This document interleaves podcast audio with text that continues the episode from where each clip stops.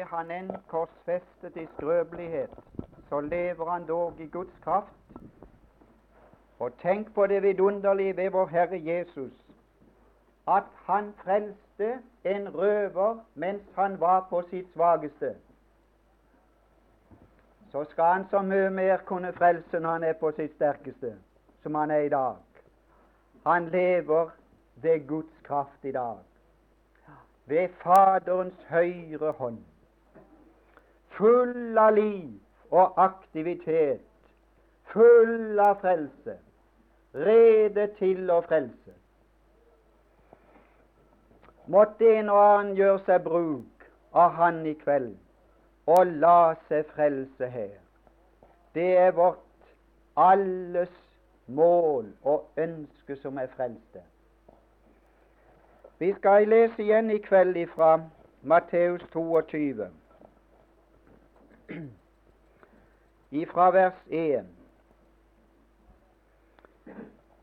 Mens dere finner opp, så kan jeg si at etter hvert som det led mot slutten av Jesu jordeliv, så gjorde han det mer og mer klart for jødefolket at det kom til å gå galt for dem, og at Gud kom til å forandre på sin plan og gå over til et annet folk med evangeliet. De protesterte en gang og sa det skjer aldri, men det er skjedd. Og denne lignelse her, det er en historie og halvdelen er oppfylt i verdenshistorien. Og andre halvdelen er nær oppfylt i verdenshistorien. Vi lever antagelig ved slutten av denne siste periode her, at bryllupshuset ble fullt av gjester. Vi skal lese, men, eh, men eh, jeg skal ikke jeg skal ikke tale om det. Vi skal lese et par-tre vers fra begynnelsen. I Jesu navn. Jesus tok atter til ordet. Nå gjør han det også i kveld. Så langt som vi vet, så har ingenting særlig hendt siden i går kveld. Han har ikke tatt til sin makt, så langt som vi har hørt, og noen ulykke hendt med de som var her da. I kveld igjen tar han til ordet. bruker bare overtalelse for at en skal la seg frelse. Men som vi hørte, han kan også bruke andre ting til å vekke, og da koster det alltid noe. Nå står det her han talte til dem, og i kapittel 21, 45 står det han talte om dem.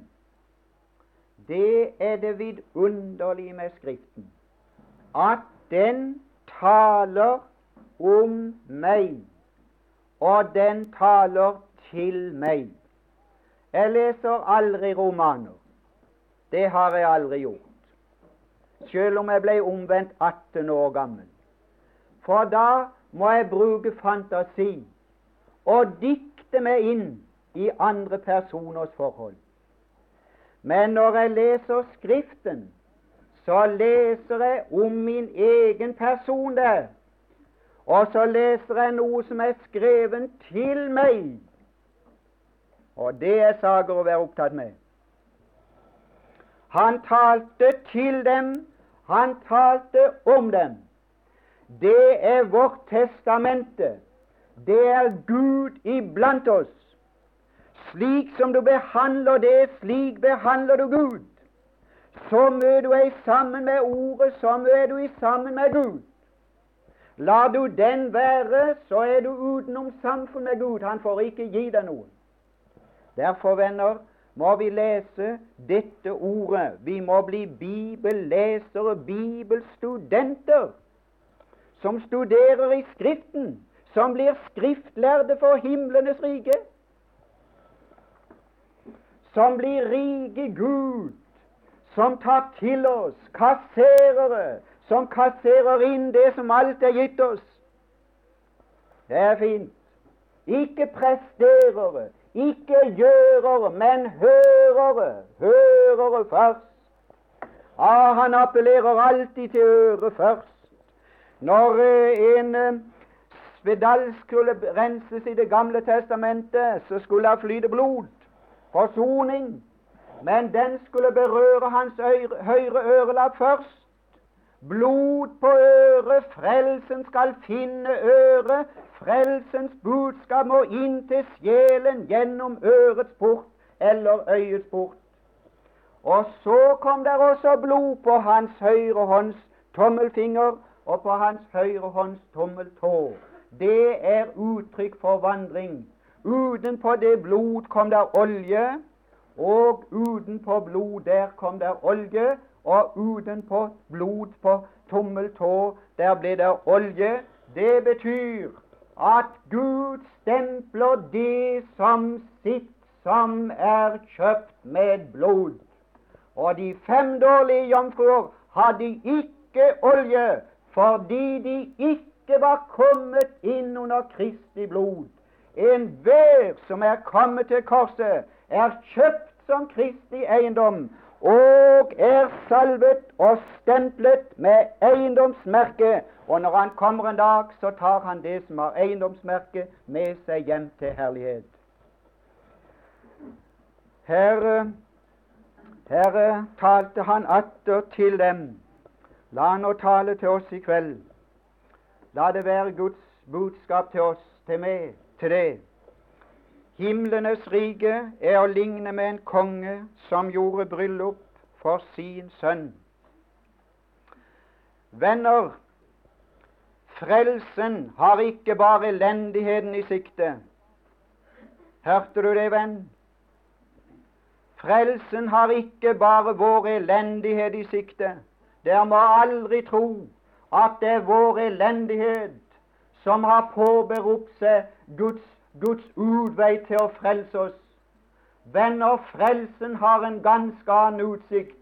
Frelsen har en ganske annen, et ganske annet mål.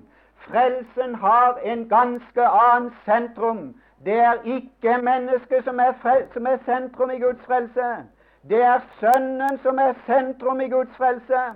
Det er Sønnens ære som er sentrum i Guds frelse. Han gjorde bryllup for sin sønn. Det var han som skulle æres. Det var han som skulle få gjester. Det var han som skulle få en brud. Det var han som skulle få brødre. Han skulle bli den første fødte blant mange brødre. Det er Kristus som er sentrum i Guds frelse. At han også tar hensyn til vår elendighet, så det er en ganske annen side. Han så til sitt folk, han så til de Egypten. Han ynkedes over deres elendighet. Men han så også et land som flød med melk og honning, som de skulle inn i. Han gjorde bryllup for sin sønn. En himmel full av kristne, sa Hope, er en æret Kristus. En himmel tom for kristne er en vanæret Kristus. Det er bibelsk og, og samtale. Han gjorde bryllup for sin sønn. Hører du det, venn? Og de som han der innber, de stiller han et tilbud som stiller de like til himmelen. Å, de viser han ære. Og han sa om Kapernaum, du er opphøyd like til himmelen ved ditt besøk. Ved det tilbud du har fått, er du opphøyd like til himmelen og ved nådens guddommelige kall er hver synder i støvet opphøyd like til himmelen og kan komme like til himmelens ære. Men også der kommer ansvar inn, at den som avslår det der, den skal støtes ned til dødsriket. De taler om at vi har lite ansvar. Venner, ansvaret skal bli i forhold til tilbudet. Det kan du stole på. Ansvar skal bli i forhold til tilbudet. Og tilbudet er Sønnen. Og hvis dere tror at Gud ser lite i Sønnen, så kan de godt tale om et lite helvete. Men hvis dere tror at Gud ser noe i Sønnen, så skal han også se noe i de som forakter Sønnen. Det kan du stole på. Det lærer Skriften. Her står det han gjorde bryllup. Han bar alle omkostninger alene. Det er ingen vanskelighet å se det evangeliske i dette. Det er ingen vanskelighet å forbinde det med Romerbrevet 8.3. Det gjorde Gud. Og det er ingen vanskelighet med å forbinde det med Romerbrevet 8, 32, han som ikke sparte. Han som ikke sparte.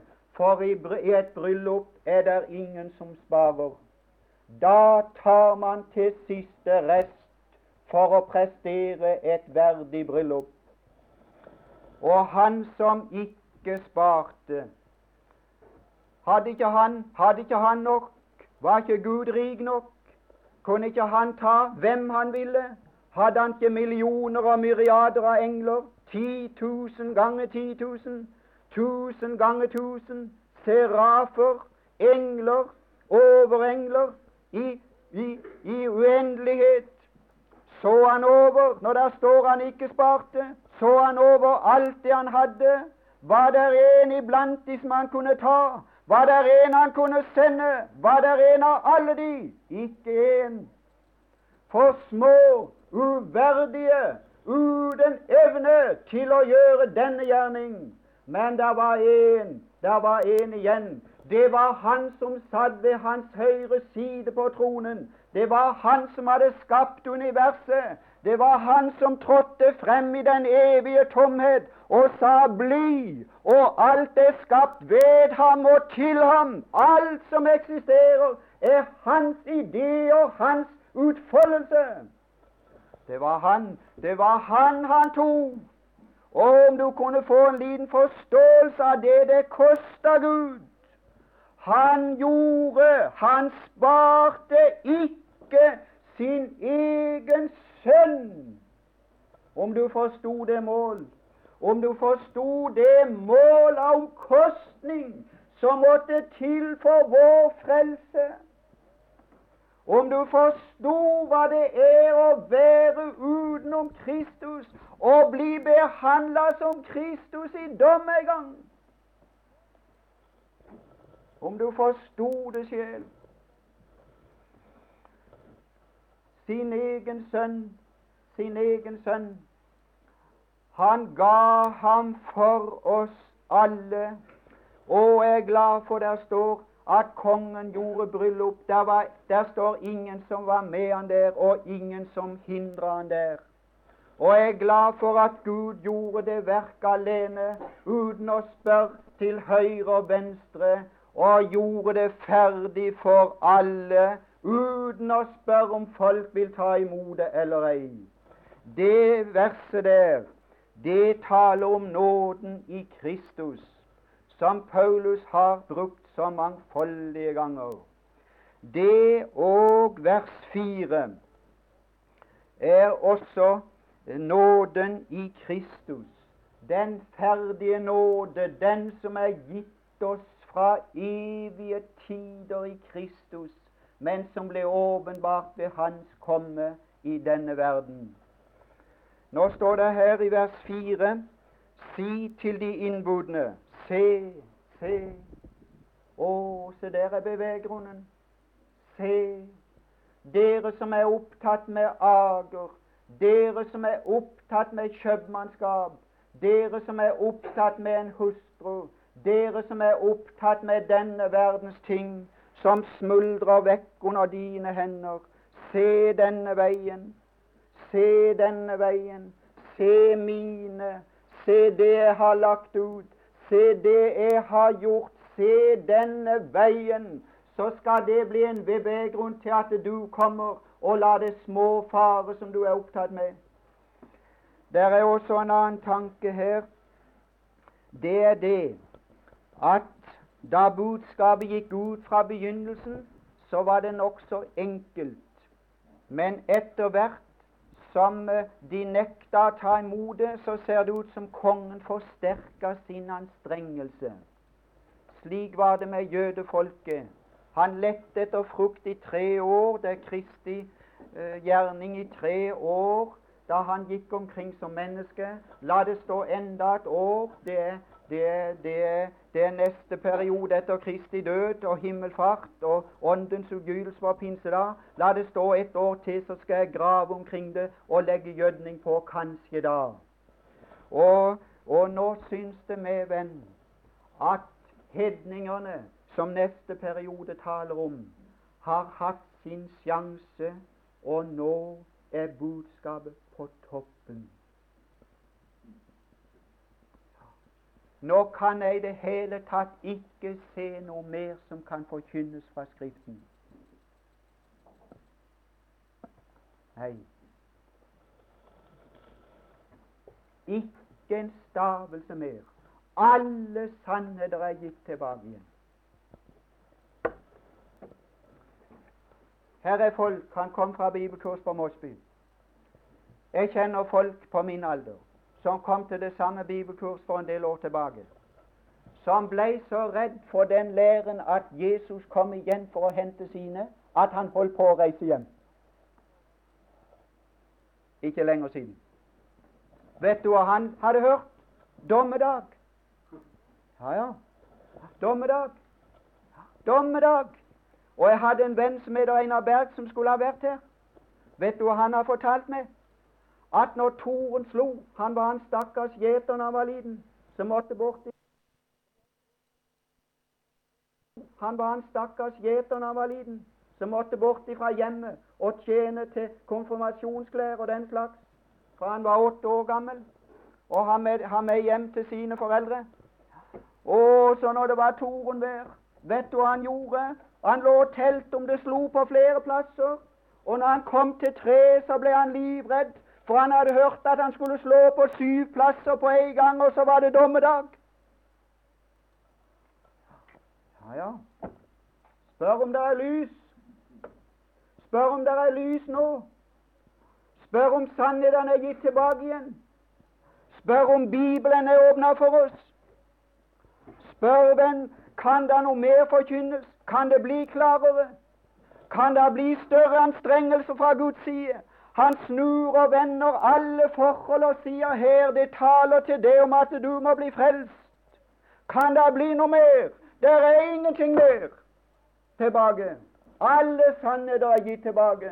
Luther fikk den første rettferdiggjørelsen av tro. Andre har fått flere og flere og flere. Og alle sannere i Skriften er kommet tilbake fra katolisismens mørke.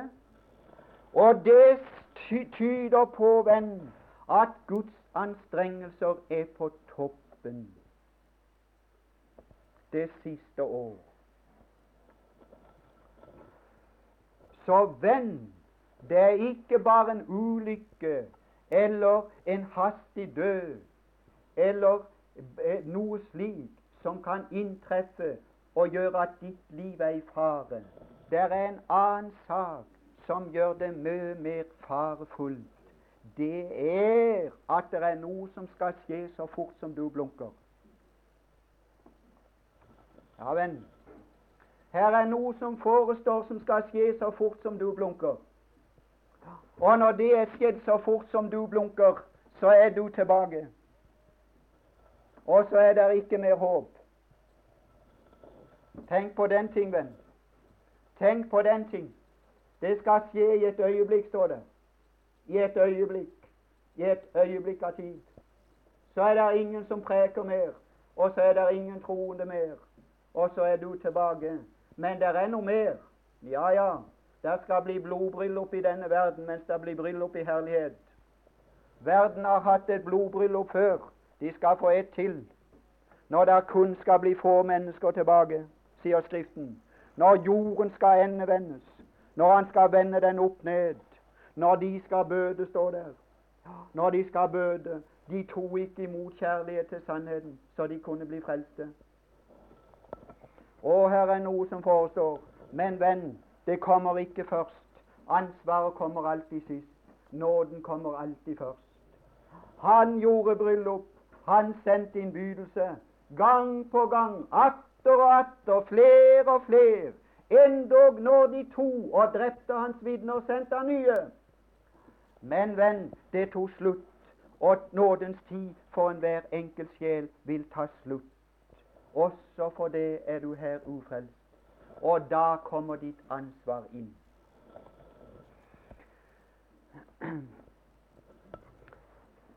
De, de, de brydde seg ikke om det, men gikk sin vei. Der er det. Men gikk sin vei. Sin vei. Stakkars sjel som går på din vei. Den, den rike mann i fortapelsen, han hadde gått på sin vei.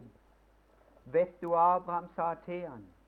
Han sa ikke du fikk det gode i din levetid. Men han sa du fikk ditt gode. Hørte du det? Du fikk det som passet for dine sanser. Ja, du fikk det som kunne passe for din kropp. Du fikk det som kunne glede deg av vin, av mat, av dans, av drikk, av gård, av bil, av eiendom. Og så, venn, så tok den veien slutt, og så gikk du ut med samme behov til en plass som der ingenting var av den slagen. Stakkars folk. Stakkars folk. Så var han i pine med en gang. Velger du ditt gode, venn, velger du ditt gode, det som passer deg,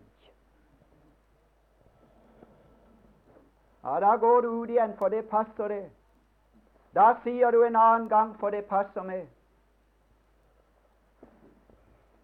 Der satt en i en by her på galleriet da predikanten kom rundt på et bønnemøte. Så sa han er du, er du frelst? Nei. Vil du bli? Det passer ikke i kveld, sa han. Så svarte predikanten nokså kort. Her er ikke tale om å passe, sa han. Her er bare den som vil.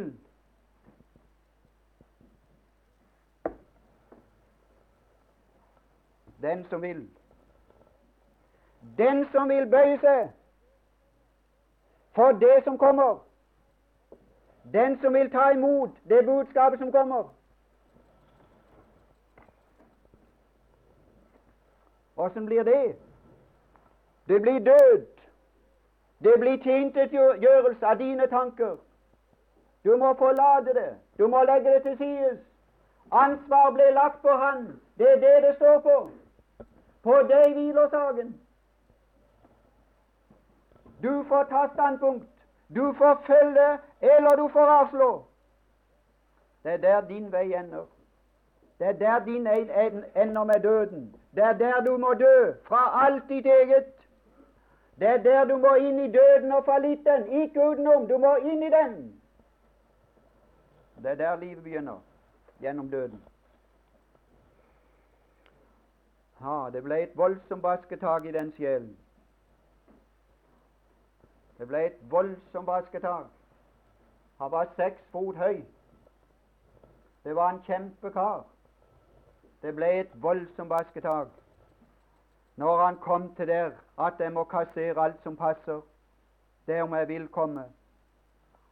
Og Så falt han på kne, og det ble et svært fall, det.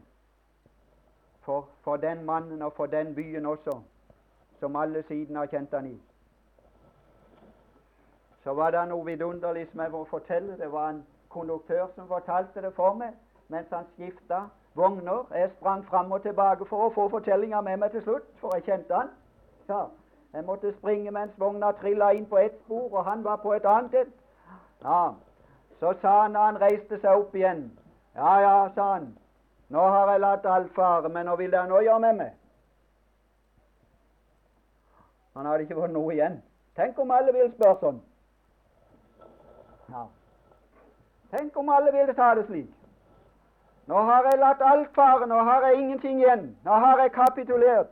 Nå har jeg lagt ned mine tanker om å bli frelst. For de trodde det var, det var, sånn at det måtte passe å bli på den måten. Og vil dere nå gjøre med meg? Ja, skulle de gjøre med Kunne de frelse? Nei. Vet du hva de gjorde? De ga han et løfte her. Ja, ja. De hadde saker å fare med. Vi har det som kan frelse. Tal dette livets ord, sa han. Tal det til folk, så skaper det hva det nevner. Ja, Så gikk han hjem med det løftet, så sa han da, så gikk toget. Så ropte han og vinket han. Så sa han klokka seks i dag morges så spratt lyset, sa han. Han er herlig frelst. Ja, ja, sånn er det. Sånn er det. Ja, ja. Vil du la ditt fare, så skal du få noe igjen. Men det vet du, venn, at hvis du ikke lar ditt fare og dør fra deg selv og verden for evig å miste, skal det aldri gå opp lys i din sjel. Det er det jeg skjelver for når jeg ser folk søke Gud.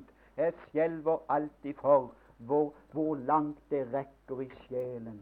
Om det er bare noe de lar seg bøye, som jeg sa sist her, som ei bjerk som bøyes av, av, av snøtyngda. Jeg gikk her i svingene og så når sola skinte om våren så kom det plutselig et rap fra ei bjerk, og så skvatt det opp igjen. Hun hadde stått med toppen helt i jorda. Men når den tyngden kom av, så skvatt det opp og retta seg igjen. Ja, ja. Sånn er det det dette de kaller å bøye seg. Å bøye seg. Det er bare å bøye seg under en vekkelse og noe tyngde av folk, overtalelser, alt det der der.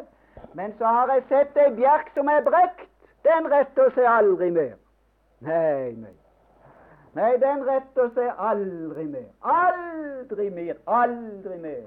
Og da jeg ble frelst 18 år gammel, da ble jeg brøkt i stykker og reiser meg aldri mer, for mitt er topp for alltid. Og jeg har fått noe annet igjen som er bedre enn det som gikk. De gikk sin vei. Det var svært forskjellig, men de de, de kom under samme dom. Den ene hadde en pen grunn, og den andre også, og noen ble sammen med eh, de som drepte, manndraper, men alle sammen ble utenom. Husk det, venn. Begynn aldri å sammenligne det med den og hin. Vi spør om å bli frelst. Jeg talte nylig med en mann hjemme på kirkegården. Jeg tenkte det var en passende anledning. Han hadde en av sine kjære der om han, om han, ville, om han var frelst, eller om han ville bli frelst. Nei, sa han, det, det kan jeg ikke bli, det så mye i veien. Mye i veien. Å, det var alle troen i veien. Alt mulig i veien. Det der, der, er, der, er, der er høyst forskjellige innstillinger. Men venn, plassen blir den samme for alle. Med unnskyldninger eller hva det er som binder det.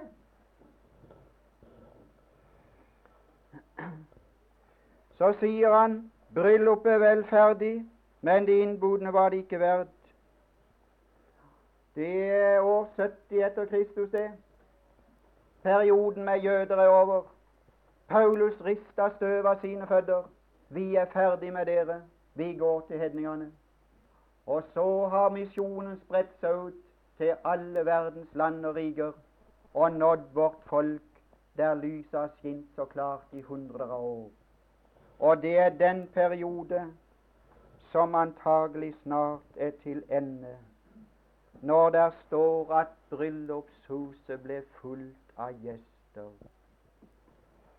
Å, venn, å, venn, er du her som ikke er frelst, å, la det frelse, la det frelse vi ber i Kristi sted, forlik der med Gud, skynd deg, alt taler for at tiden heretter er kort.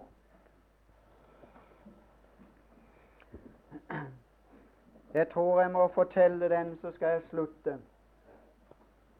Men eh, jeg hadde den glede i gang å høre eh, en i, i Moddi kirken i Chicago, Ironside, han fortalte at han reiste en gang på toget i, som evangelist.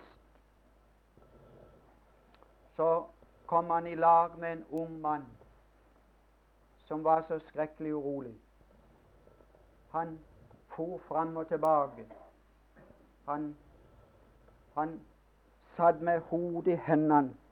Han retta seg opp, han så ut, han så langt de var kommet. Det var som han feilte noe. Så fikk han han endelig tale, lirka det ut litt etter hvert. Så var det en som hadde rømt fra hjemmet sitt og kasta skygge over hele familien og levd i det fremmede land og ødelagt alt. Og så hadde han skrevet hjem at nå lengta han hjem, men han visste ikke om de ville ha noe med han å gjøre. Så sa han, så sa han jeg har sagt, jeg har skrevet til mor og sagt at hvis de vil ha at jeg kommer forbi den og den dagen med det toget Det går like forbi vår havet, sa han.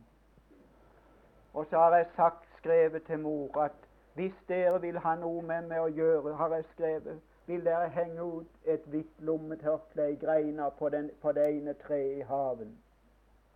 Men nå tør jeg ikke se, sa han, for jeg er ikke sikker på om der henger noe.